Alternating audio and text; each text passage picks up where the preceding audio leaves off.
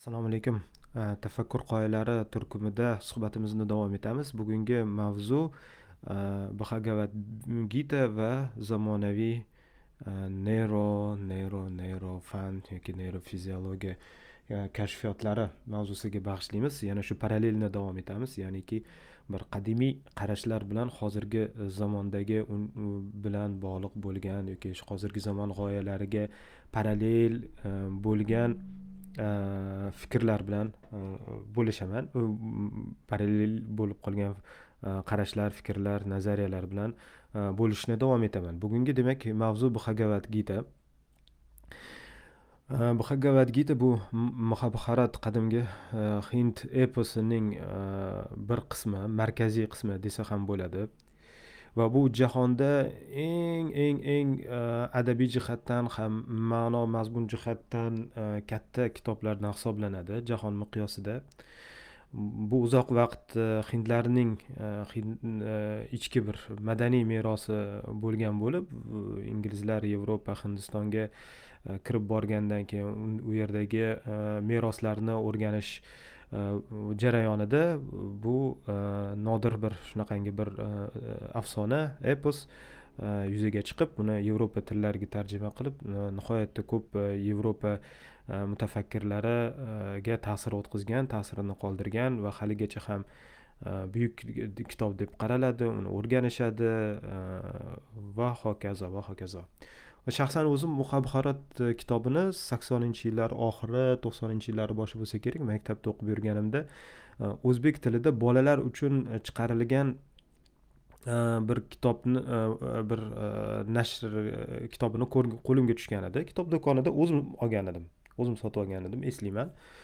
Judayam yoqqan. Bu kitob e, bu kitobcha desa ham bo'ladi. E, adashmasam bir yuz yigirma bir yuz e, ellik betlik bo'lishi kerak. Unaqa qalin kitob emas.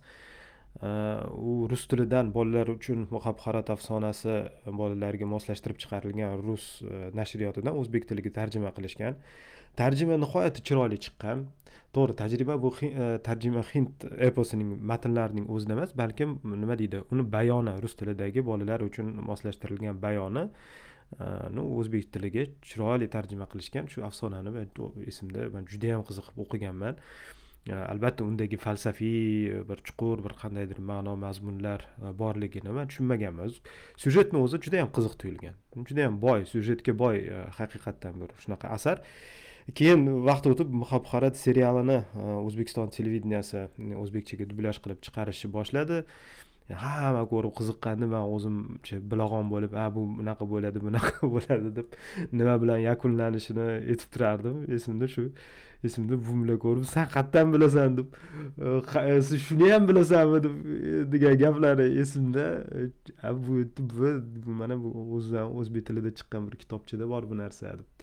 Keyin keyinchalik e, shu e, krishnaitlar e, da'vat da'vatchilari shu toshkentda ko'payganda bhagavat kakanaes degan kitobi va shu krishnaizmga oid kitobchalar tarqalib yurardi. Shular bilan o'qib tanishganman. Bhagavat gita kakanaes ham bir o'qib chiqqan edim. To'g'risini aytsam bir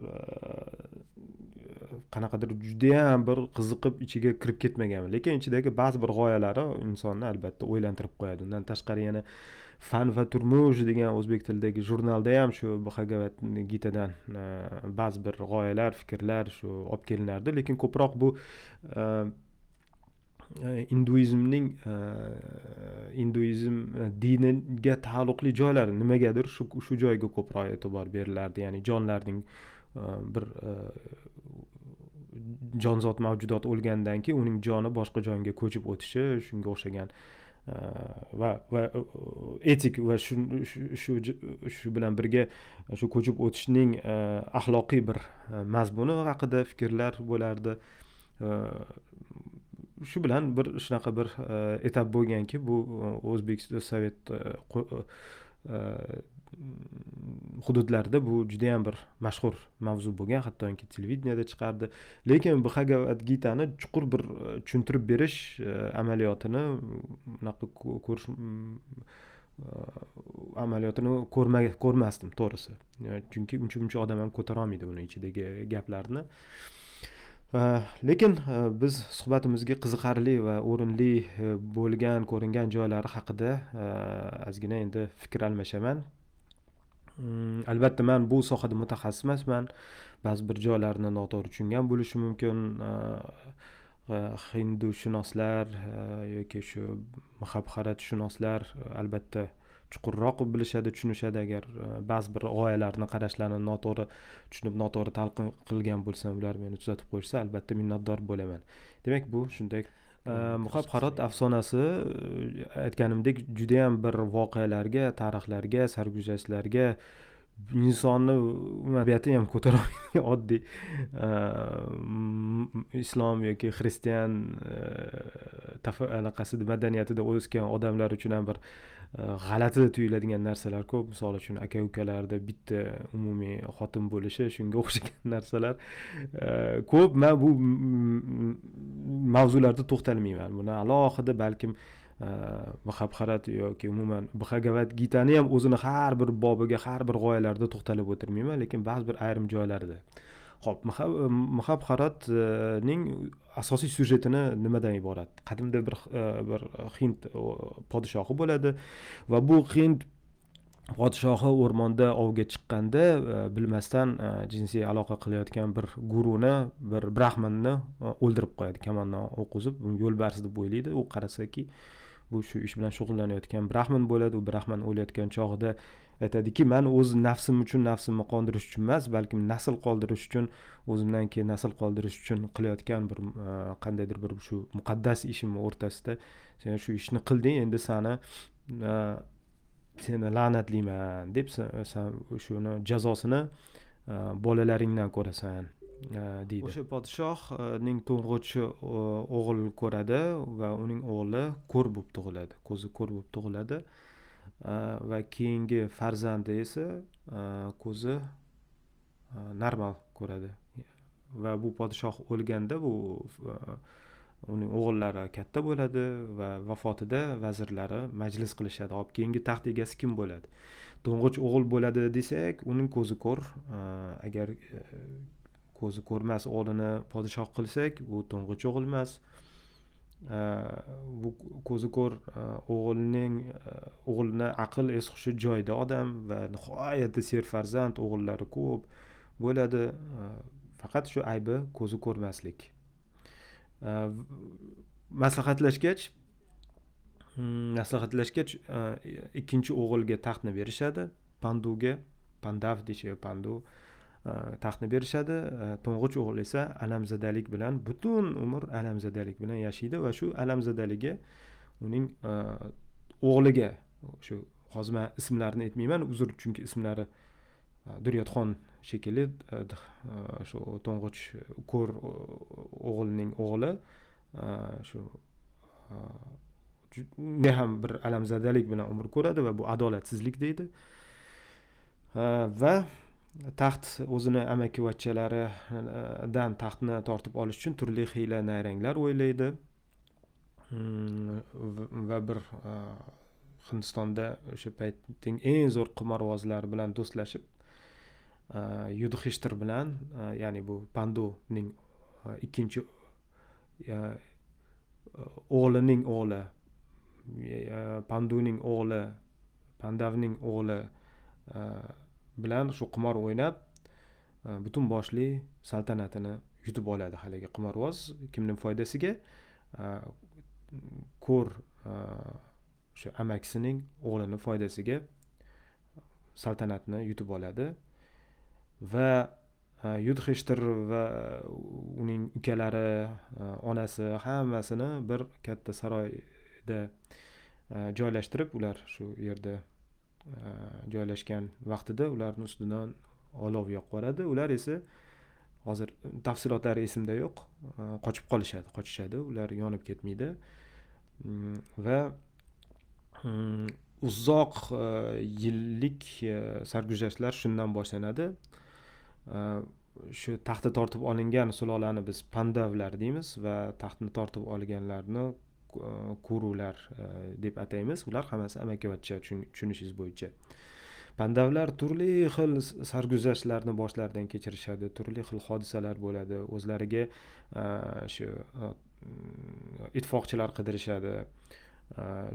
Va ular hammasi jangchi va shu aka ukalar shu yudhishtirning ukalaridan biri arjun kamon mm, bo'yicha nihoyatda iste'dodli aqlli ya'ni go'zal barno yigit deyiladimi? Shunaqa bir e, yigit bo'ladi arjun va arjunga arjun o'ziga bir do'st topib oladi va bu do'sti e, nihoyatda bir g'ayrioddiy qobiliyatlarga ega bo'lgan nihoyatda bir dono hikmatli bir yigit e, bilan tanishib oladi. Bu yigitning ismi krishna bo'ladi. Krishnani kimligi kim asli kimligi keyinchalik shu afsonada namoyon qilinadi. Endi krishnani o'zini tarixi bor qanday dunyoga kelgan nima ish qilgan qanaqa bola bo'lgan bu haqida endi bu nuqtalarda to'xtalib o'tirmaymiz. Uzoq vaqt o'tgandan keyin pandavlar katta bir armiya to'plashadi. Ittifoqchilar do'stlarini yig'ib urush e'lon qilishadi kuravlarga kuruvlarga urush e'lon qilib jang maydoniga chiqishadi. Mana shu kulminatsion e, nuqta hisoblanadi. E, ikkita katta ulkan armiya tasavvur qiling.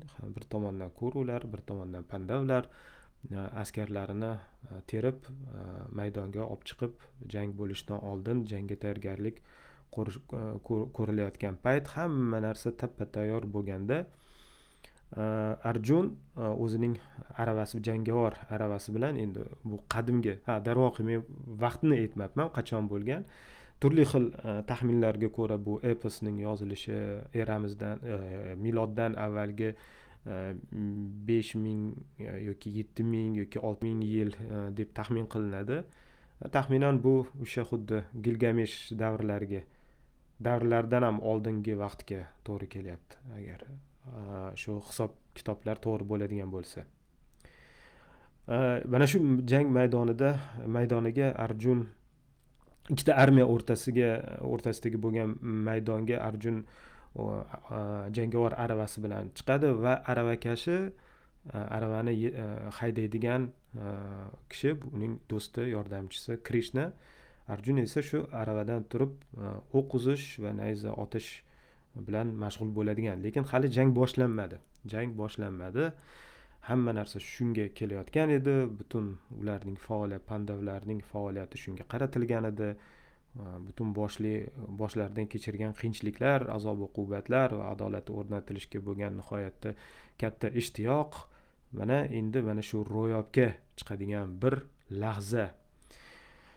Shunda arjun askarlarga o'zi askarlariga qaraydi va dushman tarafga ham bir qarasaki u dushman tarafda kimlarni ko'radi? O'zining qondoshlarini o'zining e, qarindoshlarini do'stlarini e, ustozlarini hattoki quda tarafni e, vatandoshlarini o'ziga nihoyatda qadrli bo'lgan odamlar. Undan tashqari o'z burchiga sadoqatli bo'lgan odamlar. Ular uni ham o'z haqiqati bor. Ular qonuniy davlat himoyasiga chiqishgan. Nima bo'lganda ham e, bir tarafdan bu shu katta to'ng'ich e, o'g'ilning bolalari e, taxtni egallagan ikkinchi tarafdan bu ularning nazdida endi halol o'yin o'yinni halol yutish orqali saltanat yutib borilgan bu demak qonuniy legitim davlatni himoyasiga chiqqan burch egalari ularni Э, yovuz kuchlar yomonlik e,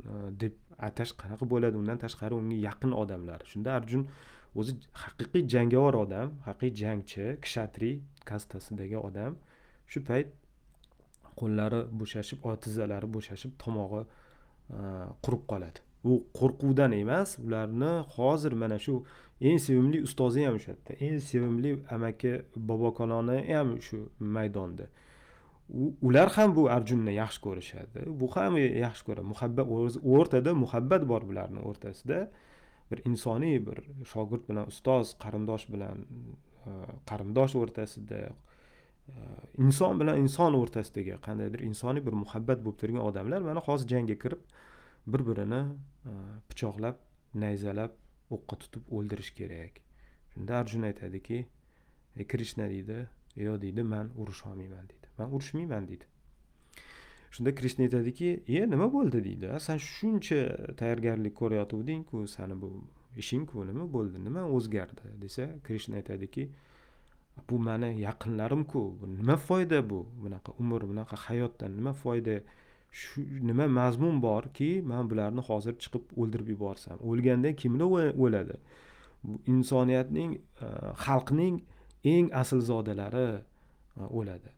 Eng aslzodalari o'lgandan keyin kastalar asl ulardan qolgan e, avlod e, past e, kastadagi avlodlar bilan aralashib ketadi va dunyoning ishi buziladi. Bu yaxshilikka olib kelmaydiku. Tartib buziladi. Mana tartib bor. Ijtimoiy ma'lum bir mm, tartib borki shu tartibni buzib yuboradi. Va qolaversa bu meni menga yaqin bo'lgan odamlarku men muhabbat qo'ygan odamlarni nimaga man o'ldirishim kerak deydi. Shunda endi bu mana shu qismi e, arjun bilan e, krishna o'rtasidagi suhbat e, bhagavat bhagavad gita bobi hisoblanadi mahabharat eposining va taxminan uni rus tilidagi yoki ingliz tilidagi tarjimasiga qarasangiz yuz bet balkim yuz betdan kamroq yoki bir yuz o'n bet bir yuz yigirma dan iborat. Agar tez o'qiyman desangiz birpasda o'qib qo'yasiz lekin har bitta misralarida to'xtaladigan bo'lsangiz bu mm, juda bir ah, murakkab matnligini ham tushunasiz. Ba'zi bir joylar juda yengil tushuniladi. O'zi umuman muhabharat e, bir yuz ming yoki yuz mingdan ko'proq baytdan iborat.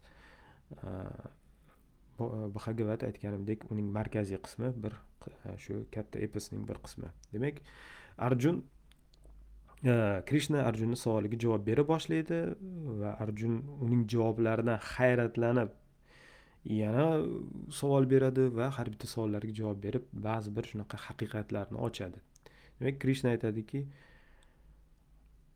yo'q deydi sen e, jangga chiqishing kerak deydi. Mana qara deydi. San o'zi nimaga chiqding? Nimaga kelding? Nima bular bilan kurashding? Adolat istading. Э, adolatni o'rnatishni istading. O'zingga yoki akangga tegishli bo'lgan narsani qaytarib olishni istabsan shu yo'lga tushding. Ana endi sening istaging o'zgarib yo'q mani istagim boshqa. Men istayotgan narsa e, tinchlik o'rnatish. Mayli biz e, yo'qotsak ham lekin shu odamlar e, bekorga nobud bo'lmasin degan istak bilan ish qilyapsan. Unda ham xohish ish xohish istak bilan ish tutyapsan bunda ham xohish bilan e, e, ish tutyapsan. Shu to'g'rimi bu? Shu agar xohish istak shunchalik o'zgaruvchi bo'ladigan bo'lsa shu bo'ladigan bo'lsa unda burch nima degani? Unda nima bu yerda nima qahramonlik nima jasorat nima ma'no bo'lyaptiki? Agarki sen bir o'zgaruvchi xohish istaklaringni buyrug'i bilan yashaydigan bo'lsang. Demak deydi. Shunaqa e, yana bir qiziq gap aytadiki san jangchisanku deydi. San kshatriysan bu sharmanda bo'lib ketasan. Agar san hozir shu e, jangdan e, jangga kirishmasdan boshingni olib chiqib ketsang sani qo'rqoq deyishadi jasoratdan qochdi deyishadi o'zingni sharmandalikka mubtalo qilasan deydi. Eslang e, shu gilgameshda e, e, shu jasorat askarlik ruhiyatini mana shunda ham krishna shu arjunning shu jihatiga e'tibor beryapti. Bu bir taraf. Ikkinchi taraf san hech kimni o'ldira olmaysan istasang ham o'ldira olmaysan chunki bularni pichoqlab o'qib uzib jonini chiqarsang ham u jasadi to'kilib tushadi. Va jasadini ichidan joni chiqib boshqa mavjudot e, jasadini ichiga o'tadi. Mana bu yerda mana ruhlar ko'chishi yoki jonlar e, ko'chishi nazariyasi shu yerda bayon qilinadi. E, jon xuddi bir kiyimini boshqa kiyimga almashtirgandek bir jasaddan bir jasadga o'tadi. Lekin bu dunyoda shu yashab yurgan paytida bu dunyoda deb misol noto'g'ri aytyapman chunki shu jon shu dunyoni o'zida qoladi boshqa yoqqa ketmaydi. Ularning e'tiqodi bo'yicha e, qanday yashab o'tgan bo'lsa keyingi uning hayoti keyingi jasaddagi hayoti shunaqa bo'ladi. Agarki e, agarki u e, nafsiga berilib ovqatga berilib taomga berilib yashagan bo'lsa keyingi hayoti shunaqa pastkash bir jonzot jasadida bo'ladi yoki shu past kasta jasadida bo'ladi. Jasadida e, mavjudot bo'ladi yoki hayvon bo'lib tug'ilishi mumkin yoki daraxt dangasi bo'lsa u harakatsizlik bilan umrini o'tkazadigan bo'lsa u daraxt bo'lib tug'ilishi mumkin va hokazo. Bu endi e, demak jonlarni e, jasaddan jasadga ko'chib o'tishi uning shu avvalgi shu qilayotgan hayotiga qarab bo'ladi. Demakki har bir qilinayotgan harakatini karmik shunaqa bir oqibatga ega karma uni keyingi shu hayotini hayotida bu shu narsa qaytib qaytarib olib keladi shu qilgan ishlari bo'yicha agarki deydi krishna agar inson o'zini burchiga sodiq bo'lib shu bilan birga u o'zini xudo bilan bog'lab yashab o'tgan bo'lsa demak u xudoni huzurida keyingi hayotida vujudga keladi.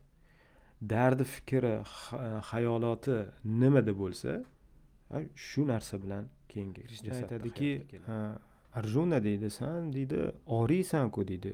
Yoki ruscha qilib aytganda ariyts san oriy kishisan deydi. Oriy degani bu yerda demak u millat ko'pchilik o'zini eroniylar yoki hinderon Э, xalqlarining hammasi yoki e, german xalqlari deb tushunilish bu noto'g'riligi shundan ham ko'rinadiki chunki orion degani shu oriy degani e, bu e, aslzoda rit nafaqat bu aslzoda balki ma'lum bir rituallar va ma'lum bir qarashlar tizimiga ega bo'lgan shu oliyzod shaxslar tushunilgan shu oriy deganda. Shu krishna shuni arjunani e, aslzodaligini eslatadi aytadiki san tushunishing kerakki san san axir bilishing kerakku san e, bu e, hayotingda yashab turib nima haqida o'ylashing kerak? Nima hozir qanaqa tushkunlik holida o'lib ketsang xuddi shunaqa tushkunlik holida bo'lsin yoki ixtiros yoki yoki nafsga berilgan holda bo'lsin yoki nuqsonli bir xayollarga noqislik nuqsonli xayollarga berilib yashasang shu keyingi hayoting ham shunaqa bo'ladi. Endi hozir san shu e, e, maydonda kimlarnidir o'ldirasan bular o'lib bo'ldi. Bular bularni e, taqdiri hal bo'lib bo'lgan. Bu narsa endi sani qo'lingda emas. Sani sani ishing bir vosita bo'lish xolos. Vosita bo'lish xolos. Ularni nima bilan o'ladi nima bilan keyin nima holatda qaysi holatda ular tiriladi? Ya'ni tiriladi emas. Noto'g'ri ibora qaysi holatda yangi jonda Э, yashashni boshlaydi. Bu endi har bir kishining e, karmik e, holatiga bog'liq deydi. Va aytadiki e, shu orion kishisi sen oliy narsa ustida tafakkur qilishing kerak mushohada qilishing kerakki shu keyingi sani hayoting keyingi shu qayta jon bilan qayta jasad bilan tirilishing shu oliy narsa bilan bo'lsin. Agarki san butun umr e, shu xudo haqida e, xudoni xayolingda yodingda tutib shu qiladigan so'zlaring ham ishlaring ham hayoloting ham shunga bag'ishlangan bo'lsa demak keyingi shu jasadda tug'ilishing ham shunga monand bo'ladi deydi. Ya'ni ko'p e, man judayam soddalashtiryapman to'g'ri tushuninglar. Bu ancha bir murakkab uslubda ya'ni juda ko'p konseptlar tasavvurotlarni qoldirib ketyapman. Э, shunda arjun hayron bo'lib so'raydiki shuncha narsani qayerdan bilasan degandek qilib so'raydi. Shunda krishna aytadiki man bu o'sha xudoman deydi. Man bu e, yerda vaqti vaqti bilan shunaqa kelib e, odam bolasi e, odam bolasi ko'rinishida tug'ilib shunaqa bu shu dunyoni ishida aralashib yuraman deydi va o'zini siymolarini arjunga ko'rsatadi. Shu turgan joyida shu maydonda hali jang boshlanmasdan oldin e, ko'rsatadi va ba'zi narsani arjun e, ongiyu ko'ziyu ko'tara olmaganligi uchun uni ko'zlarini o'zgartirib qo'yib ko'rsatadi. Arjun shokda hayratda oyog'iga krishnani oyog'iga yotib olgan ey xudo san ish qilib sig'inaman e, nima desang qilaman deb shunaqa bir ehtirom ko'rsatadi va suhbat yana davom etaveradi. Э, shunda э, э, krishna yana shu yoga yog nima degani yogning ishi nima deganligini birma bir bosqichma bosqich tushuntirib beradi. Bizni xayolimizda yoga desa e, ma'lum bir nafas olish va jismoniy e, harakatlar qilib e, va qandaydir bir psixik mashqlar qiladigan odam tushunib qolingan. Haqiqatdan ham shu o'rinda mashqlar haqida ko'p gapiriladi. Lekin mashq nimaga qaratilgan mashq inson ongini o'zini xohish istaklaridan uzib olgan holda uzib olgan holda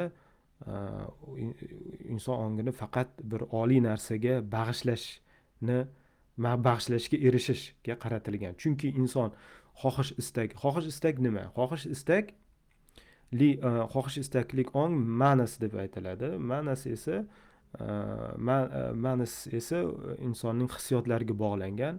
E, ko'rish eshitish umuman his qilish va har bitta his qilish organlari shu manbasini otlarga o'xshatadigan bo'lsa insonning jonining jonining ma'lum bir ruhi demayapman. Chunki ruh bu maxsus so'z.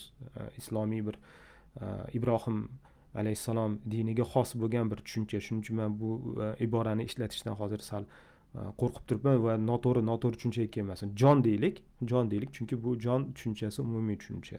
Xullas shu jon u guna. So'zlarni o'xshashini ham qarang jon va guna. Э, guna konfiguratsiyasi bo'lganda u guna ko'r bo'lgan holda guna ba'zan johil bo'ladi ba'zan biluvchi bo'ladi ba'zan yogin ya'ni uyg'oq holda bo'ladi. Nima bo'lganda ham guna e, bir aravada turgan odamga o'xshaydi va aravadagi Э, otlar esa bu hissiyotlar bu hissiyotlar. Mana shu guna qanchalik uyg'oq bo'lsa mana shu otlarni boshqara oladi. Agar u guna shu jon ko'r bo'lsa ko'r bo'lsa ko'r odam aravaga o'tirsa otlar uni qaqiga yetaklab ketadi. U xuddi shuki shu haligi e, podshohning ko'r o'g'lini e, ixtiroslari nimaga olib kelingandek e, umuman ko'r insonning otlari hissiyotlari nimaga tortib ketish. Ana endi mana shu otlarni hissiyotlarni xohishlarini jilovlab olish mana shu joyda mana muhim joyga kelyapman e'tibor berib turasizlar hozir. Jilovlab olishi yoga mashqlari yoga amaliyoti yoga turmush tarzi hisoblanadi. Ya'ni jilovlab olish nazoratga olish. Bu qiyin narsa bu mm, bunaqa hayotni tarzda e, o'tkazish qiyin lekin uni mukofoti nimaki E, inson o'z xohish istaklaridan uzilib qolgan bo'lsa xohish istaklaridan uzilgandan keyin uni xatti harakatlari xohish istaklariga emas balkim o'zining sof irodasiga bog'liq bo'lgandan keyin u endi xohish istaklarga mubtalo xohish istaklarga qovurilib ketgan qorishib ketgan keyingi jasadlarda e, qayta tug'ilmaydi tirilmaydi emas tug'ilmaydi. Qayta tirilish boshqa konsept qayta tug'ilish bularda tushunarli. Shuning uchun aytadiki agar san deydi agar man bilan mana shu e, xudo xohlagan e, xudo ko'rinishimdagi bir e, holatim bilan manga yaqin bo'lgan holda qayta tug'ilmoqchi bo'lsang demak dardu fikring man haqimda ya'ni xudo haqida bo'lishi kerak deydi. Va shu o'rinda yana aytib o'tadigan narsa ikkita muhim narsa diniy nuqtai nazardan. Krishna birinchidan shu olam borliqni e, yaratganligi va balkim shu borliq o'zidan kelib chiqqanligini e, gapiradi va shu borliq bilan u aralashib yurishini gapiradi va o'zini yagonaligini aytadi. Ya'ni e, hinduizmda xudolar ko'p lekin borib borib baribir bitta xudo eng kattasi bo'ladi. Bu hattoki islomiy aqida kitoblarida ham shu musulmon ulamolari aytadiki yakka xudolik yakka xudoga sig'inish boshqa dinlarda ham bor. Bu islomda e, faqat emas bu yakka xudoga sig'inish. Zardushtiylik bo'lsin shu hinduistlik bo'lsin boshqa hamma dinlarda bor ko'p xudoligini ko'rganimiz bilan baribir bitta xudo g'olib bo'ladi hammasini ustidan bitta xudo hammasini keltirgan bo'ladi yaratgan bo'ladi yaratuvchining yagonaligi g'oyasi bu bir qanday bir original emas lekin yaratuvchini yagona deb tan olish bu hali insonga najot bermaydi bu hali hidoyat degani emas deyishadi musulmon ulamolari haqiqiy najotni qachon bo'ladiki? Qachonki ibodatni e, bandalikni faqat va faqat shu yakka xudoga e, yakka e, ilohga ollohga qilsagina yaratuvchi qilsagina ibodatni qilsa va u ko'rsatgandek ibodat qilsagina mana shu haqiqiy tavhid haqiqiy monoteizm bo'ladi. Xudoni bitta deb qo'ygan bilan xudo yaratuvchi bitta deb qo'ygan bilan hali ish bitmaydi deb shu islom aqidasida shunaqa tushuntiriladi. Va qolgan e, bu inson o'tgan safar aytganimizdek insonning hayolatidagi bo'lgan mavjudotmi yoki real qandaydir bir e, mavjudotlarmi nima bo'lishidan qat'iy nazar u qanchalik qudratli kuch quvvatli bo'lsin ularning kuch quvvati qudrati mutlaqo emas va ular Э, ibodatga ham loyiq emas ilohiylashtirilgan ishga ham loyiq emas xudo deb nomlanishga ham loyiq emas. Hinduizmning o'ziga xos yakka xudoligi shundan iboratki xudolar yarim xudolar chorak xudolar xuddi shu gilgamesh eposidek ular son sanoqsiz ular ko'p va baribir bitta shu xudo bor. Bitta shu xudo bor. Va bu demak shu e, bu mushriklarning yakka xudoligi desa ham bo'ladi. Ya'ni e, e, majusiylarning yakka xudoligi deymizmi xohlagancha ayting lekin shu yakka xudolik konsepti bor ularda ham. Lekin islomiy yakka xudolik tavhid bilan keskin farqlanadi. Buni aralashtirib yuborish kerak emas. U primordial an'ana falsafasi tarafdorlari aytishadiki ularning fikricha shu barcha dinlarning asosi baribir bitta. Shu islom bo'ladimi hinduizm bo'ladimi buddizm bo'ladimi yoki xristianlik nasroniylik zardushtilik moniylik va hokazo va hokazo va hokazo dinlar bo'ladimi? Bular hammasi baribir asli bir e, deydi. Bu primordial an'anachilarning e, fikri. Lekin e, ahli sunnat val jamoat e'tiqodida albatta bu narsani qabul qilmaydi. Demak o'ziga xos bir shunaqangi bir yakka xudolik bor ekan ularda va panteizm shuni ham shu joyini ham aytib o'tish kerak. Panteizm ya'ni xudo bu borliq bilan aralashib ketganligi. Albatta bu aral bu borliq bilan aralashib ketganligi e, bu borliq xudoning tajallosi ekanligi bu bu so'z bu iboralar nihoyatda bir qanaqadir bir sodda sizga eshitilishi mumkin. Agar bularni har bittasini o'rganadigan bo'lsangiz nihoyatda murakkab nihoyatda rang barang sirqirra konsepsiyalar nazariyalardan iboratligini ko'rasiz. Lekin musulmonlar baribir botil deydi. Ahli sunnat val jamoat botil deydi.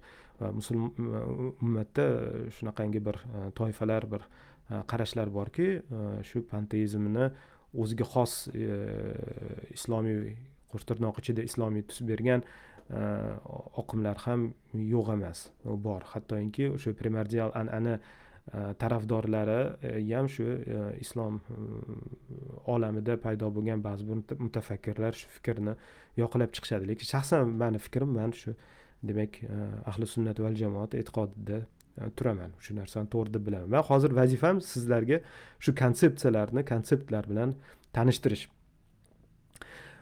Ho'p e, davom etamiz. Demak yoga amaliyoti yoga bu shunaqangi bir insonki bu doimo o'zining aytib o'tdik hissiyotlarini hissiyotlarini jilovlab olish kerakki va shu jilovlash shunchalik bo'lishi kerakki u o'zidan ayri bo'lib qolishi kerak. Bu o'zining uh, uh, xudoni mushohada qilish. Bu yerda ay maxsus специально zikr so'zini ishlatmayman. Chunki bu o'zining islomiy uh, tor tor emas bir maxsus ma'nosiga ega mushohada ko'proq to'g'ri keladi. Rus tilida созерцание ingliz tilida contemplation balkim meditatsiya so'zi bilan ham keladi. Э, lekin meditatsiya so'zi e, mayli xos iboralar tafsilotiga o'tib ketib qolyapman. Shunda to'xtaymiz. Mushohada ya'ni u ongi bilan aqli bilan shohidlik berib o'tirish mana shu mashqlari bu fikru xayoli shu mushohadaga berilish. Endi e, hinduistlar shu jumladan shu narsani man bhagavad gitadan topolmadim lekin bhagavad gitaga bir sharh berayotgan bir induistning gapidan ko'rib qoldimu keyin shu nahotki shu narsa bhagavad ichida bor ekanmi deb qaraganimda topolmadim. Balkim bordir kim bilsin ko'rmay qolgandirman nima fikrki e, mushohada insonning ongi shunaqa e, shakllanganki u shakllarni e, shakllar bilan fikr yuritadi. Bu narsani albatta platon narsani noto'g'riligini keyinchalik yevropa faylasuflarining fenomenologlari Э, unchalik emasligini albatta isbotlashgan. Э, lekin bu hindular fikricha shunaqa bir maxsus hindcha so'z bor esimdan chiqib qoldi. Э, shakl bilan forma bilan mushohada qila oladi ana shu mushohada e, shaklga qarab mushohada qila olganligi uchun xudo haqida e, mushohada qilish uchun u e, shu haykal uni xudoni tasvirini xayoliga keltirish kerak. Eng mos keladigani bu shu tovus qushning patlari bilan bezatilgan e, terisining rangi e, yomg'ir keltiradigan bulut qora bulutning rangida ko'zlari shahlo ko'z e, bir qarasangiz to'rtta qo'l bir qarasangiz o'n ikkita qo'l va hokazo va hokazo. Mana shu siymoda mana shu siymoda tasavvur qilish kerak. Shuning uchun ham hinduistlar butparastlar deymiz ularni sanamlarni yasashadiki Э, shu sanamparastlar o'zi ham aytadi biz shu e, haykallarga sig'inmaymiz. Bu haykallarni ortida turgan shu ilohiyot ilohlarga sig'inamiz. E, shu ilohlarni tasavvur qila olishimiz uchun biz mana shu narsalarni yasaymiz deyishadi. Endi bunga javoban ibrohim alayhissalom e, nima ish qilganliklari va ibrohim alayhissalom dini bunga nima javob berishini endi tushunaverasiz chunki ibrohim alayhissalom dinida xudo hech qaysi haqiqiy xudo bor xudo mavjud xudo olloh insonning aqliga aqli bilan erishib bo'lmaydi e, fantaziyasi bilan vahmi bilan e, e, vahmi bilan tasavvur qila olmaydi. Nimaiki tasavvur qilib qo'ymasin bu baribir noto'g'ri bo'laveradi. Bu uzoqlashtirish uzoqlashtirishga uzoqlashtiradi yaqinlashtirmaydi. Hinduistlar unaqa tushunchada emas. Lekin mana shu joyda balki men adashayotgandirman mana shu bhagavad gitada san mana shu mushohada qilishing uchun bir narsa yasashing kerak haykalimni yasab shunga qarab mushohada qilgin degan joyini man topolmadim. Agar e, shu matndan topsanglar ko'rsatinglar. Bu o'shaning uchun krishnait e, e, sharhchi izohchi buni bu gapni qayerdan oldi? Va haligacha manga shu narsa jumboq. Xullas aytadiki shu mushohadaga berilsang shu mushohadaga ber ha yana mushohadaga berilishning yana bir qiziq joyi. Talablardan biri nimaiki qilsang u ishning agar albatta nimaiki qilsang bu ish to'g'ri ish bo'lishi kerak. Jumladan adolat uchun shu jang maydonida kurashish jang qilish bu o'sha shunaqa ishlardan. Xullas shu nima ishga qilsang shuni oqibatidan natijasidan mutlaqo uzilgan bo'lishing kerak. Demak san Э, biron bir ish qilayotganingda xohish istaging uchun emas balkim shu ishni qilish uchun. Shu ishni qilasan va shu ishning ortidan keladigan oqibat natijadan mutlaqo uzilgan bo'lishing kerak. Bu natija seni umuman qiziqtirishi kerak emas. Baxtga olib keladimi badbaxtlikka olib keladimi? Og'riqqami yoki xursandchilikkami kasallikkami sog'liqqami? Yaxshilikkami yomonlikkami nimaga olib keladi sani shu bu ishing sani umuman mutlaqo shu narsa qiziqtirmasligi kerak. San shuni mushohadangni mushohadangni ichiga bu narsa kirmaslik bu narsadan uzilgan bo'lishing kerak buzilgan bo'lishi kerak. Mana shu haqiqiy yoga ziddiyat bor. qarang aytyaptiki sen Э, yoga bo'lishing kerak. Yoga э, qilayotgan ishini э, maqsad qilib qo'yish kerak emas shu shu maqsadsiz bemaqsad deydiku. Bemaqsad ko'chada maskasiz yuribdi deydiku. Shu maqsadsiz bemaqsad yoki oqibatni o'ylamasdan turib shu ishni qilishing kerak. Shunda deydi sen shu yetishasan. Yoganing yogin shu yoganing shu oliy bir brahmanning yoganing oliy bir e, darajasiga yetishasan deydi. Bu yerda ziddiyat ko'rmayapsizlarmi? Bu yerda ziddiyat nimadaki? Shu oqibatni o'ylamasdan ish qilishning o'zi shu oqibatni taqozo qilyaptiku. Tasavvur qiling arjun oqibatni o'ylamasdan turib shu jangga kirish kerak. Shunda bu qanaqadir bir bir bir narsa bo'ladiki uni e, keyingi tirilishida uni oliyroq bir e, holatda tirilish e, tug'ilishiga yana tirilish shu noto'g'ri ishlatyapman yana qayta tug'ilishida bo'ladi. Shu emasmi oqibat? Bu karmik oqibat emasmi shu narsa? Oqibatni o'ylamasdan bir ish qilishning o'zi oqibatning bo'lishini e, shu oqibat faqat boshqa joyga yo'naltirilishini anglatmaydimi? Aytmayaptiku bu bu yerda krishna. Yo san noto'g'risan bu oqibatni bunaqa deb tushunmagin san boshqa oqibatga qaragin boshqa natijaga qaragin demayapti mutlaq oqibatdan uzilishing kerak deyapti. Va aytyaptiki hech qanaqangi e- e- e- xohish istaklar bo'lmasligi kerak. Shu xohish istaklardan ajralgan holda ajratilgan holda ish qilgin deyapti. Shu ishni hissiy xohish istaklardan ajratish degani boshqa xohish istak bilan qilish degani emasmi? Shu shu gap ustida bundoq o'ylang. Ya'niki to'g'ri bu hissiy past qanaqadir bir mm, nafsiy bir istaklardan uzib yuqori oliyroq intellektualroq yoki yoki ma'naviyroq bir xohish e, istaklar bilan deyilmayapti. Mutlaqo o'zi uchun kerak deyapti. Mana shu yerda e, agar o'sha kecha xayolimga keldi shuni o'qiyotganimda shu e, endi bu bu bir bir xayoliy bir eksperimentda shu krishnaning aravasida arjuna emas gilgamesh bo'lganda gilgamesh aytardi nima ma'no o'zi nima deyapsan hozir deb mani xohishim mani xohishim. Bu man o'zim xohishim bilan yashashim kerak. Degan bo'lardi. Lekin krishna aytadiki san vositasan deydi. Man bir shu man hamma narsani man uyushtirdim deydi. Shu hozir esimda shu bhagavat e, gitani matnidami yoki boshqa matndami bu krishna shiva uning nomlari nihoyatda ko'p siymolari ko'p. Bu olamlar olamlarni e, paydo qilish yaratish emas paydo qilishdan maqsad Э, u o'yin.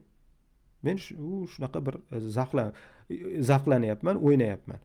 Insonning qarang ularning fikricha insonning eng barkamol eng baxtli payti qachon? Yoshlik bolalik payti o'smirlik payti.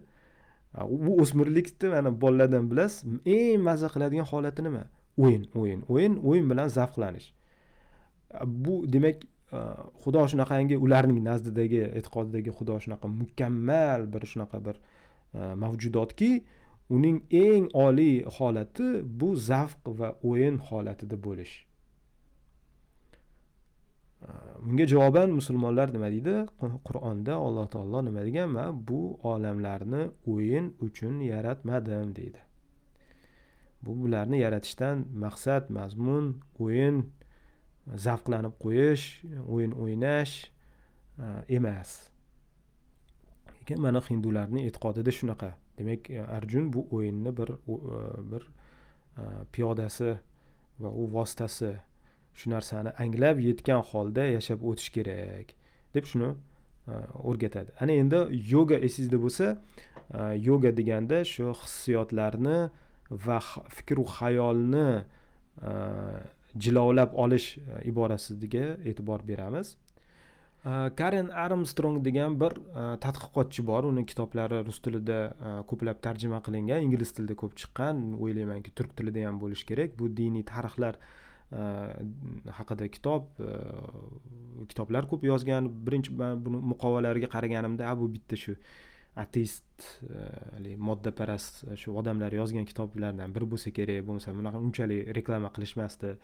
Deb o'ylardim. Yo'q bu o'zi bu uh, ayol haqiqatdan ham bu professor nihoyatda diniy an'analarni chuqur biladigan uh, ayol ekan. Bu haligi moddaparast uh, haligi ateistlarga o'xshab judayam bir primitiv o'ylaydigan emas va unga ko'proq shu primordial an'anaga xos bo'lgan tendensiyani sezdim. Hali bir hamma kitoblarini o'qib chiqib sal chuqur haligi o'qiganim yo'q to'laqonli fikr shakllanmagan va bu muallif o'zi asli mm, katoliklar maktabidan chiqqan ekan. Katolik e, monastirlarida katoliklarning monastirlari e, ayniqsa bu yevropada e, nihoyatda bir noyob kitoblarga boy kutubxonaga boy e, hisoblanadi va u yerda mutolaa qilib mushohada qilib fikr yuritib bilim ma'lumot egallashga sharoit ancha keng va yaxshi qilingan va shu u yerda maktabini olib u yerdan chiqib keyin akademik e, e, sohaga kirib u yerda mana shu ilmiy e, tadqiqotlarni qiladi. Xullas endi man shunga suyangan shuni gapiga tadqiqotiga suyangan holda shu aytyapmanki yoganing asli kelib chiqishi bu kshatriylar jang jangchilarning mashqi bo'lgan. Avvalambor yoga degani otni yoki mol yoki asosan ot otni yilqini aravaga ulab uni aravada boshqarish uni otni tinchlantirish otni o'rgatish aravaga. Chunki jang umuman aravada jang qilish ot aravada jang qilish nihoyatda qiyin narsa. U ot aravani o'zi qimmatbaho narsa. Uni yana otam e, hurkib ketishi bor sakrab ketishi bor boshqa tomonga tortib ketishi bor qiy chuv to'polonni lekin otni o'rgatish kerak. Shunaqa qiy chuv to'polonga o'rgatish kerak intizomli qilish kerak. Mana shu otni mashq qilish e, otni tarbiyalash otni tarbiya yaxshi so'z tarbiya arab tilida tarbiya. E, otlarni e, jangovar otlarni tarbiyalash bilimi sinoati yoga deb atalgan. Avvalambor shu narsa bo'lgan. Keyin bu narsa jangchilarni tarbiyalashga o'tgan. Jangchi nima deb tarbiyalaydi? San shu burching haqida o'yla joning haqida o'ylama birovning u san qarshi tarafni e, rahming kelmasin. Sani ishing e, g'alabani ham o'ylamagin mag'lubiyatni ham o'ylamagin. Sani ishing shu burchni bajarib qiliching bilan shu qiladigan ishni qilishing kerak. Shunaqa qilib tarbiyalamasa u katta maydondagi odamlar bir biriga qarab yugurib borib bir birini so'yishi bu qiyin masala qiyin narsa. Yoki inson nihoyatda g'azab holatda bo'lishi kerak. Uni g'azab holati bu e, uni keltirish uchun bu qiyin narsa. Yoki shu e, yevropada qadimgi yevropada skandinavlarda keng tarqalgan qo'ziqorinlardan yeb olish kerak. Yoki shu e, janubiy amerika umuman amerika hindilari hindulari turli xil narsalarni chakib olish kerak.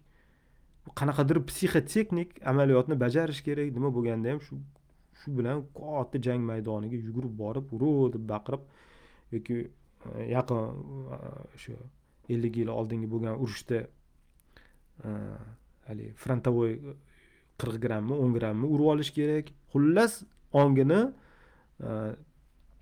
o'zgartirgan holda измененное состояние сознания deydi ongini ong holatini o'zgartirgan holatga holatga tushib ma'lum bir holatga psixik ruhiy holatga Э, ruhiy holatini psixik holatini o'zgartirgan holda mana shu jangga kira oladi.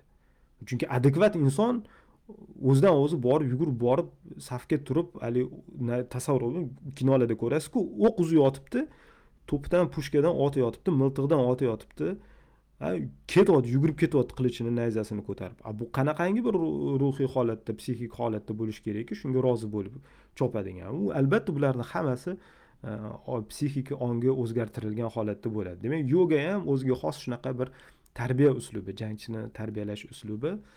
Э, va bu narsa hattoki buddizm ham shunga aylanib ketganligini keyingi э, suhbatimizda shuni mavzuga o'tamiz. Demak yoga g'oyasi yoga tarbiyasi jangchini tarbiyasi tarbiya an'anasi kshatriylarning an'anasi o'laroq. Э, rivojlangan va shakllangan va uni kimlar egallab oldi? Brahmanlar. Brahmanlar kim? Chatrilarni aytdik. Bu jangchilar sulolasi va jangchilar jangda ular hech qachon mehnat qilmaydi. Ular podshohlik qiladi e, boshqaradi himoya qiladi dehqonlarni e, chorvadorlarni himoya qiladi o'shalardan o'z ulushini oladi davlat quradi. Xuddi gilgamesh qilgan ishni qiladi. Gilgamesh ham kshatriy endi gilgameshku o'zi turgan bitgani e, psixik holati o'zgargan holatda. U turgan bitgani jangovar holatda yashaydi. Lekin oddiy jangchini endi tarbiyalash kerak. E, brahmanlar kimlar? Brahmanlar bu mushohada qiluvchilar. Ya'ni shu e, borliqqa singib ketgan ilohni topib o'shani mushohada qilib yashab o'tish ularni ishi shu psixik mashqlar jismoniy psixik mushohada mashqlarga yoga mashqlariga berilib umrini shunaqa qilib o'tkazish endi uni yeyish kerak yeyish kerak ichish kerak boqilish kerak boshpana kerak u odamlarga endi buni kimdan ko'radi? Oddiy odamlardan e, budda misol uchun e, o'zini shogirdlariga tilanchilik qilib yashagin deydi. Nimaiki bersa shunga rozi bo'lib yashaysan deydi. Tilanchiz haqiqiy e, mushohada qiluvchi tilanchilik qilish kerak deydi. Endi bu hozir boshqa mavzuga o'tib buddizm ancha bu krishnaizmni farqlari katta. Bu alohida suhbatda gapiramiz. Nima bo'lganda ham nima bo'lganda ham bu brahmanlar e, ta'minlanishi kerak ta'minoti kerak. Endi kimlarga borib so'raydi? Kshatriylardan so'raydi. Kshatriylarni misol uchun tarbiyalaydi dars beradi. O'sha brahmanlar kshatriylarning jangovar qilib tarbiyalash yoga amaliyotini o'zlashtirib ancha o'zlariga moslashtirib uni nihoyatda murakkablashtirib uni bezab chiroyli qilib mana endi e, kshatriylarniga qaratishadi. Va brahmanlar xuddi bu yerda mana krishna haqiqiy brahmanning e, yo'lini tutyapti guru ya'ni ustoz rolini bajaryapti. E, asta sekinlik bilan endi mm, shu nitsheni fikri bilan qaraydigan bo'lsak brahmanlar kshatriylarni qo'liga egallab oldi aslida bu brahmanlar zaif haqiqiy kuch egasi emas haqiqiy quvvat egalarini agar shu nitshe ko'zoynagi bilan qaraydigan bo'lsak kuch quvvat egalarini miyasini aynitib chalqitib shunaqa qilib egallab olishdi deb desa bo'ladi agar shu ko'zoynak bilan qaraydigan bo'lsak nima bo'lganda ham bu shunaqa bir holat. Demak brahmanlik ya'ni shu mushohada tarki dunyo qilib mushohada qiluvchi shu nima deydi ularni ruhoniylari shu hinduizm ruhoniylarining muqaddas kitobi mana shu muhabharat hisoblanadi jumladan bhagavat e, e, gita hisoblanadi va shuni hattoki turli xil e, marosimlarida o'qishadi. Va shu e, o'zlarining e, brahminlik mashqlarini ya'ni e, fikru xayolni ehtiroslaridan va maqsadlaridan natija oqibatlarga uzgan holda fikru xayolini mushohadasini e, shu tangriga bag'ishlagan holda mana shu bag'ishlash mashqlarini shu hayot tarzini targ'ib qilishadi brahmanlar. Shu brahmanlik ko'chasiga kirganlarni va bu yerda mani fikrimcha bu yerda man shu karin armstrongning fikriga qo'shilamanki bu yerda brahmanlar jangchilik an'anasiga xos bo'lgan э, intizomni tarbiya э, tizimini o'zlashtirib o'zgartirib э, va o'zlarining shu an'analariga bo'ysundirib qo'yishgan degan man shu fikrga qo'shilaman. Albatta balki xato bo'lishi ham mumkin. To'g'rilaydigan bo'lsa e, rozi bo'laman. Endi qaranglar. Bu e, xulosani eshitib o'zinglar ozgina o'ylanglar mushohada qilinglar ozgina fikr yuritinglar o'ylanglar e, va bundan yana nima xulosalar chiqishi mumkin? Qiziq bo'lsa e, agar rus tilida o'qiydigan bo'lsanglar smirnov bilan yana antonov degan ko'proq manga smirnovning tarjimasi yoqadi. Chunki nihoyatda ko'p sharhlar berilgan uning tarjimasida. Antonov smirnov biroz tanqid qilib э, tarjima qilgan. Uni ham ko'rsa bo'ladi. Ingliz tilidagi tarjimalar kuchli tarjimalar bor deyishadi. Ochig'i man e, ularni e, o'qib e, chiqmadim. Ularni o'qiganim yo'q. Ya'ni unaqa hujjat chuqur o'qib berilib tushunish hozir maqsad emas. Balkim yana alohida yana bir suhbatimizda mm, suhbatimizda Э, balkim shu bhagavad gitani ichidagi e, ko'p g'oyalarni alohida tahlil qilib chiqish e, to'g'ri kelar balkim agar qiziqarli bo'ladigan bo'lsa. Yana qaytaraman bu yerdagi hammasi ilohlar iloh krishnaning xudoligi bu e, shu hinduistlarning e'tiqodi aqidasi va bu narsani men noto'g'ri deb bilaman. Bu narsani bilan bo'lishganligimdan maqsad sizlarni ma'lumot tushuncha bilan tanishtirish tanishtirish E, taqdim qilish e, lekin tushunish e, qabul qilish degani emas buni ishonib ketish vo zo'r ekan deb berilib ketish degani emas bu har kim o'zi uchun hal qiladi. Va albatta albatta agarki kimga aytsaki juda bhagavad gitani nihoyatda primitivlashtirib yuboribsan. Aslida bundan ham chuqurroq yana boshqa ma'no mazmunlar bor desa albatta u kim shu gapni gapirsa to'g'ri aytgan bo'ladi to'g'ri. To'g'ri. Mani ishim shu e, tanishtirish va yana boshqa bir e, maqsad bor bu podkastdan. Hozirgi zamonaviy e, neyrofiziologiya kashfiyotlariga bog'lab tushuntirishga harakat qilish va undagi ba'zi bir parallelliklarni bilan tanishtirish niyatim. Э, umuman keyingi turkumlar ham shunaqa shu parallelliklarga e'tibor bo'lib bo'ladi. O'tgan safar gilgamesh bilan nitsheni parallel qo'ygan bo'lsak bu safar demak e, bhagavad gita va hozirgi zamon e, neyro fanning miya bilan bog'liq bo'lgan E, e, fan e, kashfiyotlari bilan bog'lash. Albatta bu kashfiyotlarni ham bir hidoyat bir mutloq haqiqat deb hech qabul qilish kerak emas. Bulardan boxabar bo'lib bilib qo'yish kerakki chunki bu hozirgi kunimizda ta'siriga ega. Hozirgi kunimizdagi bo'layotgan ishlarda ijtimoiy tarmoqlarda bo'layotgan ishi it sohasida butun hayotimizga kirib ketdi. Davlatlarning siyosatida o'z ta'siriga ega va keyinchalik ham e, ta'siri bu kashfiyotlarning kashfiyot deganda e, topilmalarimiz bu yangi tug'ilgan konseptlar yangi konseptlar yangi tasavvurotlarning ta'siri katta bo'ladi va ulardan boxabar bo'lish kerak. Dovdir bo'lib shularni hech narsani bilmay keyin uni kimdir e, islom qobig'ida ko'tarib kelsa bu islom shunaqa ekan deb ergashib ketish kerak emas. Ko'rdik biz ahvolini. Boshiga misol uchun do'ppi kiyib bismillo deb asta astral chakra degandan keyin uni boshqa kechirasiz boshqa e, o'zini e, diniy ulamo degan odamlar oh, chapay chalib ha malades bola ekan deyishyapti. Bu nimadan? Bu bexabarlikdan. Bu bu tendensiya o'sha qadimdan davom etib kelayotgan tendensiyalardan bexabarligidan. Hozirgi zamondagi e, yangi tasavvurotlar konseptlar haqida bexabarligidan ko'zini oldida shamg'alat qilib islomiy upakovka berib olib kirganda shu narsani ko'rmaslik mana shu bexabarligidan. O'shaning uchun e, o'sha ayniqsa musulmon birodarlarga murojaatim bu narsalarni eshitayotganingizda to'g'ri tushunib to'g'ri qabul qilinglar bu narsani. A bu bizaga kufrlarni shu adashganlarni gapini nimaga olib kelyapti bizaga kerak emas bizada qur'on bor hadis bor sunnat bor. Kechirasiz shu qur'on va hadis nozil bo'lgan sahobalar o'zining davridagi o'zining atrofidagi e'tiqodlar diniy qarashlarni ming botil desin ming noto'g'ri desin juda yaxshi tushunishgan. Juda yaxshi bilishgan. U g'azoliy bo'lsin g'azoliyni qabul qilmasangiz e, shu ibn taymiya bo'lsin o'sha yunon falsafasini juda chuqur bilishgan.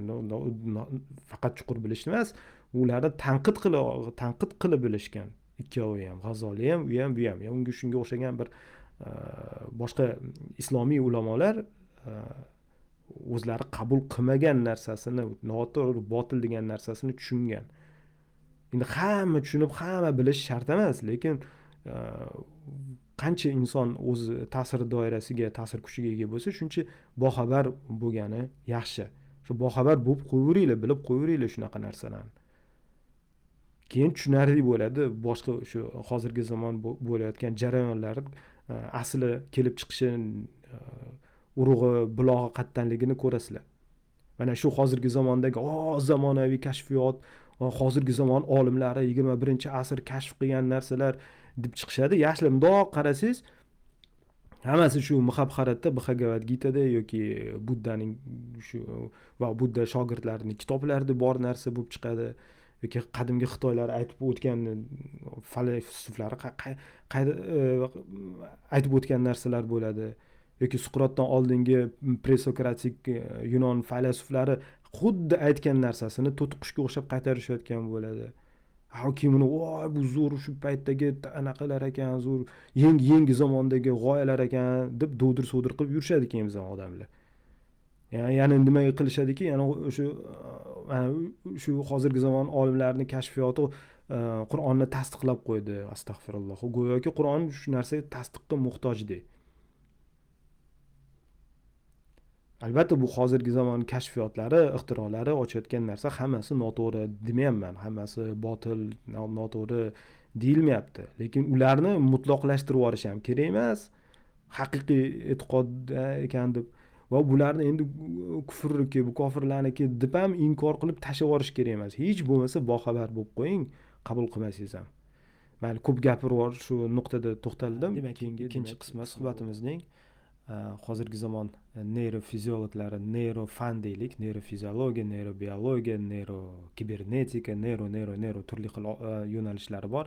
Hammasini jamlab shartli ravishda neyrofanning kashfiyotlar ular kashf qilgan narsa lekin kashf qilgan narsa deyilganda sizni mani noto'g'ri tushunmanglarki fan ilmiy pozitiv fan pozitiv ilm nuqtai nazaridan ularning uslubiyatiga ko'ra chunki bular hozir kashfiyot bular hozir shu narsa to'g'ri bizning tajribamiz tasdiqlanib turgan ular tasdiqlangan deydi bu haqiqat demaydi bizning tajribamiz nazariyamiz mantiq asosida qurilgan Э, tasavvurlarimiz э, izlanishlarimiz tasdiqlangan deydi. Chunki bilishadiki ular keyingi yangi kashfiyotlar yangi e, topilmalar e, paydo bo'lganda yangi xulosalar yangi xulosalar paydo bo'lganda bu bunisi hozir eskirib inkor qilinishi ham mumkin. Buni fan egalari juda yaxshi tushunishadi. Chunki kashfiyot deyilganda biz shartli ravishda tasdiqlangan e, ularning ilm fan pragmatik pozitiv ilm fan uslubiyatlari bilan tasdiqlangan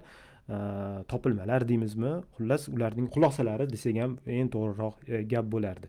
Demak shu neyrofan e, manbai hozirgi zamondagi manbai bu e, yigirmanchi asr o'n to'qqizinchi asr oxiri yigirmanchi asr boshida paydo bo'lgan vujudga kelgan nazariyalarga turli xil tajribalar orqali paydo bo'lgan yangi yangi nazariyalarga suyanadi. Bu ivan pavlovning keyin shredinger e, va hokazo shunga o'xshagan e, olimlarning e,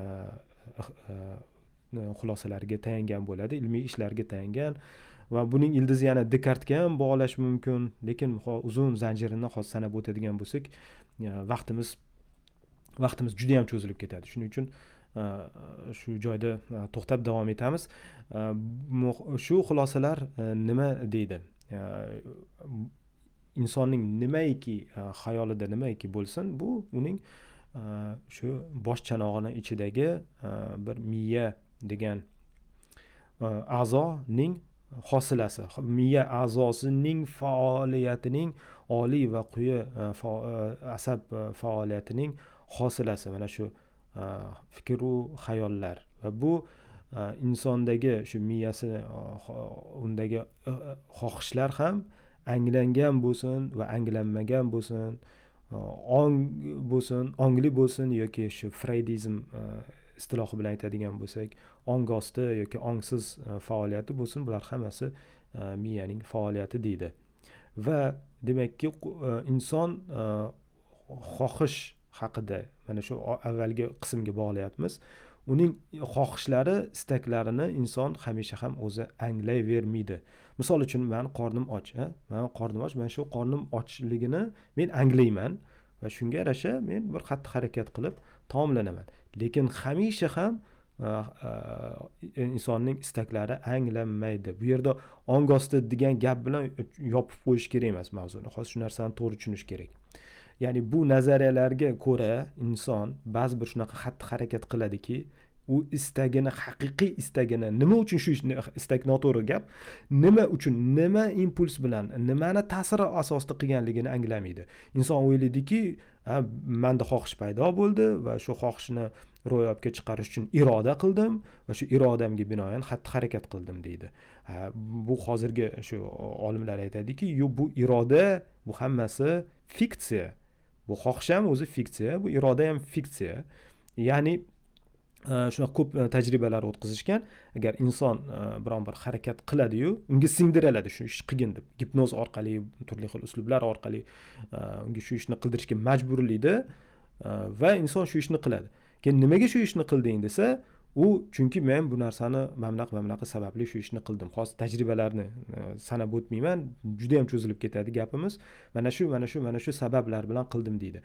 Aslida mutlaqo bu sabab bilan qilmaganligini uni tajriba o'tkazuvchilar biladi shundan tushunishadiki va shu va, va turli xil boshqa xil tajribalar e, natijasi o'laroq shunaqangi xulosaga kelishadiki inson e, boshqa sabab bilan shu ishni qiladi va shu u odam o'zi uchun gapirayotgan va boshqa odamlar uchun gapirayotgan sabablarni miya o'ylab topadi miya o'zi o'ylab topadi.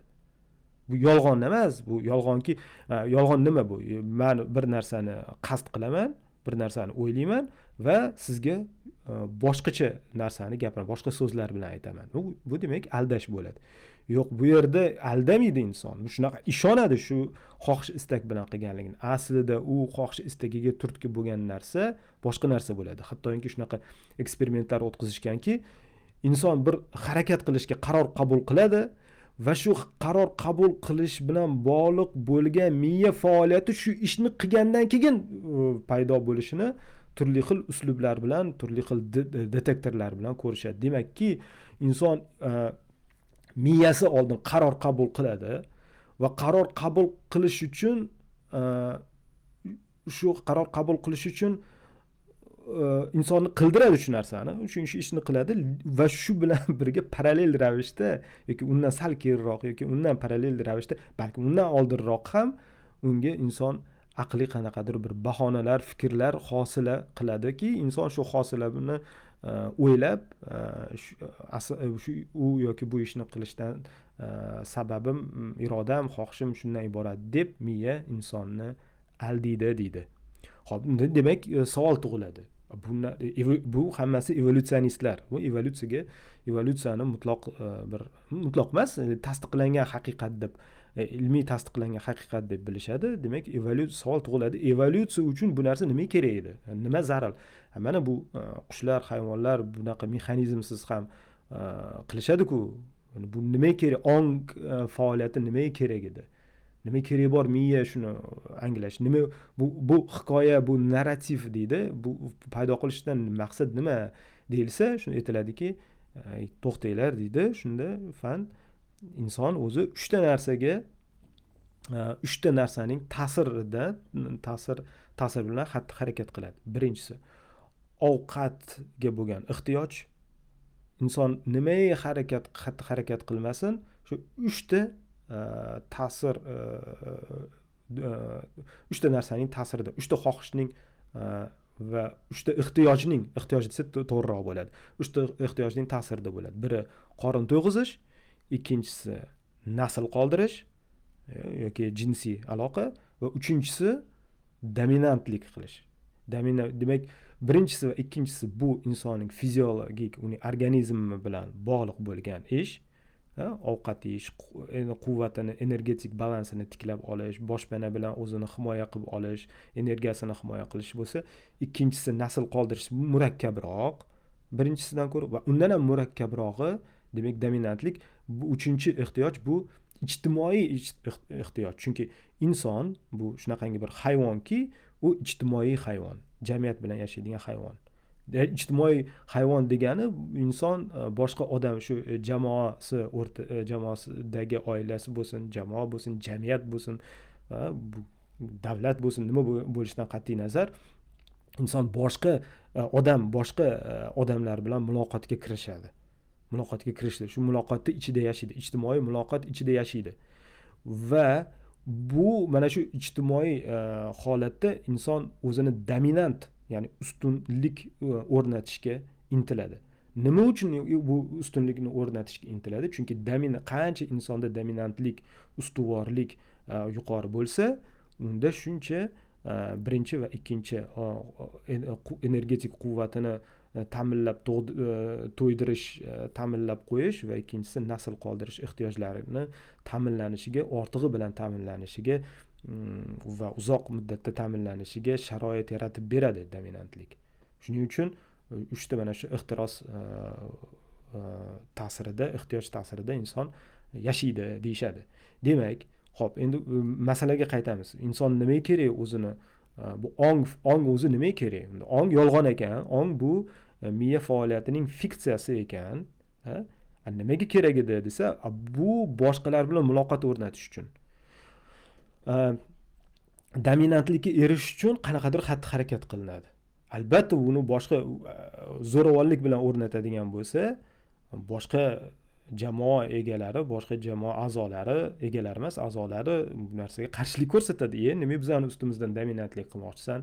Nimaga bizdan ko'proq ovqat yemoqchisan? Nimaga biz bizdan ko'proq e, ayollar bilan bo'lmoqchisan? Nimaga nimaga nimaga? Albatta qarshilik ko'rsatishadi. Endi ularga tushuntirish kerak. ularga nima uchun ovda uzoq qolib ketganligini tushuntirish kerak misol uchun. Nima uchun to'rttasini o'ziga e, ergashtirib haligi e, katta filni ag'darish kerak u tushuntirish kerak. Nima maqsadda qilish kerak? Keyin bu e, yana g'orga qaytib kelgandan keyin shu ayollarga kelib kimdir muvaffaqiyatli ov qilsa kimdir ag'dara olmadim deydi kimdir keladida mazza qilib maqtanadi. Yolg'on chat yolg'on qo'shib u qo'shib bu qo'shib ko'pirtirib gapirtiradiki u ayollarni o'ziga e, mahliyo qiladi va shu ma'lum bir dominantlikka erishadi. Demak bu e, hikoya hosil qilish e, story deydi. Hozir story telling nima youtubeda? Mashhur. Story telling qiladigan odamlar judayam bir mashhur judayam mashhur bo'lib ketishadi uni ko'rasizlar. Xullas shu Э, storytellerlik э, storytellerlik bor ijtimoiy faoliyat bu dominantlikni ta'minlaydigan bir faoliyat bu tashqariga qilinadigan faoliyat ichkariga ham ishlaydi. Ichkariga ham ishlaydiki inson e, o'zining xatti harakatini o'ziga o'zi tushuntiradi. Miya e, shu e, miya o'ziga o'zi ya'ni menlikka men degan narsaga miya tushuntiradiki san shu ishni qilishing kerak deb. O'zi bu narsa yana qaytarib o'taman. Bu ijtimoiy e, faoliyatni ta'minlash uchun kerakli bo'ladigan bir funksiya. Ichki e, narsaga ham ta'minlaydi. Inson o'ziga o'zi ham hikoya aytadi va inson o'ziga o'zi aytadigan hikoyasining eng kattasi eng katta yolg'oni bu endi bu yolg'on emas fiksiyasi. Bu men degan tushuncha. Men ya. yeah. degan tushuncha siz man jamshidman. Bu man o'zimni jamshid deb anglashim bu miyani menga berayotgan bir xabari. Va bu xabar agar e, bilmadim sizda bo'lganmi yo'qmi agar uyquga ketayotgan paytingizda menlik erib ketadi men degan narsa erib ketadi. U bir nechta menlarga ajrab ketishi mumkin. U yo'q bo'lib ketib boshqalarni kuzatasiz o'zingiz yo'qsiz go'yoki. Shu miyada shunaqa bir shunaqa bir xususiyat bir e, e, xossalik shunaqa xususiyat mavjud.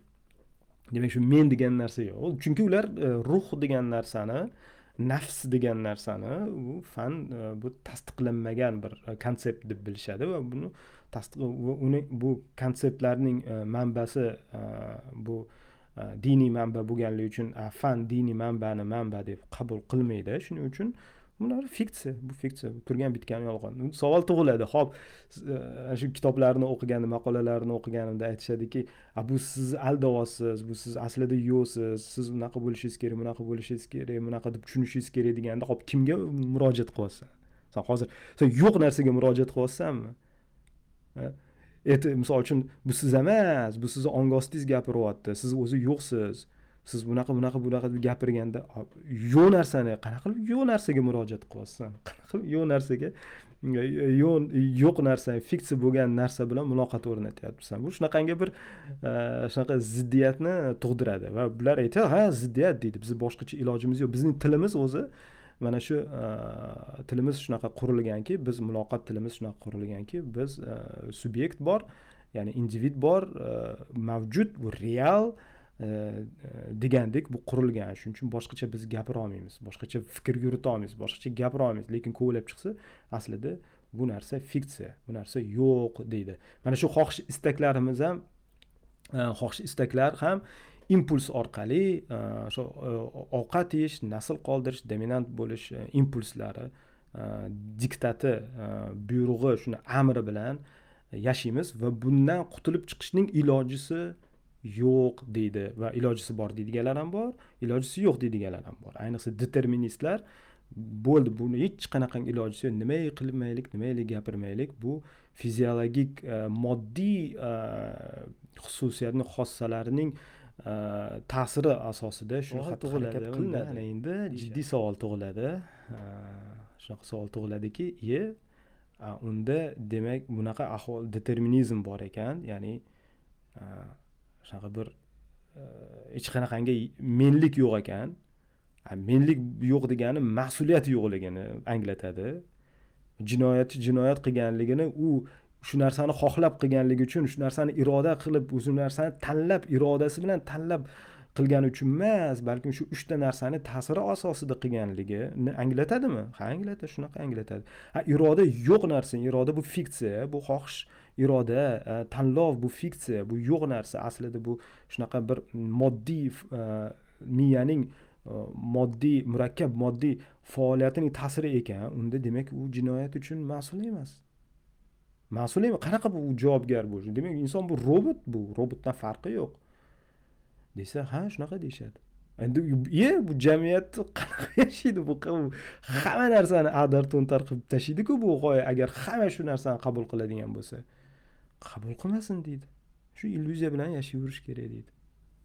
Mana xudo bor degan illyuziya bilan yashashyaptiku. Men bor degan illyuziya bilan ham yashayverish kerak deydi. Boshqa bundan qutulib chiqishi yo'q deydi.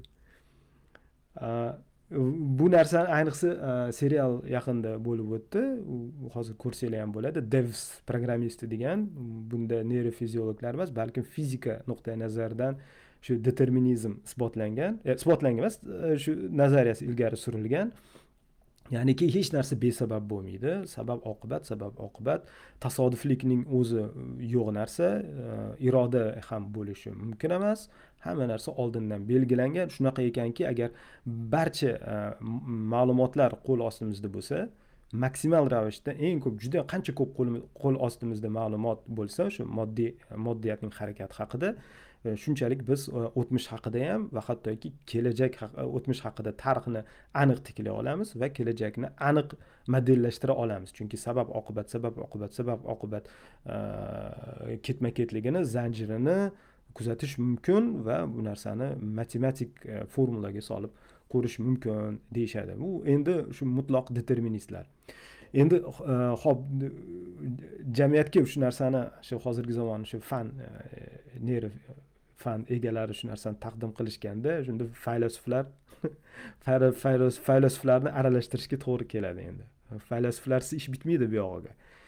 Faylasuflarni oldiga qo'yishadi. Mana mana sizlarga bu hozirgi fanning kashfiyoti shundan shundan iborat deganda nima qilamiz endi? Bu vaziyatdan qanaqa chiqish kerak deyilganda ular aytishadiki bu fikr bor fikr bu fiksiya bu iroda xohish iroda tanlov bu shunaqa fiksiya lekin men e, bu fikrning o'zi bir e, yolg'on ekan bir narrativ ekan bir hikoya miyaning bizni aldayotgan bir hikoyasi ekan. Demak bir meta fikrlash degan narsani e, qaytishimiz kerak. Meta fikrlash fikrlash bor meta fikrlash ustidan fikrlash. Bu an'ana o'zi qadimdan bor narsa bu yangi narsa emas bu muroqaba degan narsa bor. İnson o'ziga o'zi nafsini kuzatish kuzatish uchun raqib qilib o'ziga o'zi raqib bo'lib o'zini kuzatish o'zini fikrini xayolini kuzatish haqida sufiylar bo'lsin. Sufiylar sufiy bo'lmagan ba'zi ulamolar bu bu mavzuni juda keng yaratishganki chunki e, islomda nafs degan tushuncha bor. Nafs degan tushuncha va ruh degan tushuncha bor. Hozir ruh masalasida to'xtalmaymiz lekin nafs nafs va nafsoniyat va nafs olami nafsning e, o'ziga xos bir e, yashash tarzi E, faoliyatining tarzi borligi e, anglaniladi. Endi bu hozir faylasuflar yana shu konseptga qaytish kerak deyishyapti. Yana shu meta fikrlash undan tashqari yana e, ya'ni meta fikrlash nima? Hozir men u u yoki bu ishni qilmoqchiman. U yoki bu ishni hozir e, jinoyat bo'lsin yoki qaror jinoyat demaylik. Jinoyat endi bu ishlarning eng bir razil yomon bir salbiy ko'rinishi bo'ladigan bo'lsa u yoki bu qarorni qabul qilayotganimda men hozir nima bilan ruscha qilib aytganda руководствоваться nima bilan men rahbarlanyapman. Nimani asosida?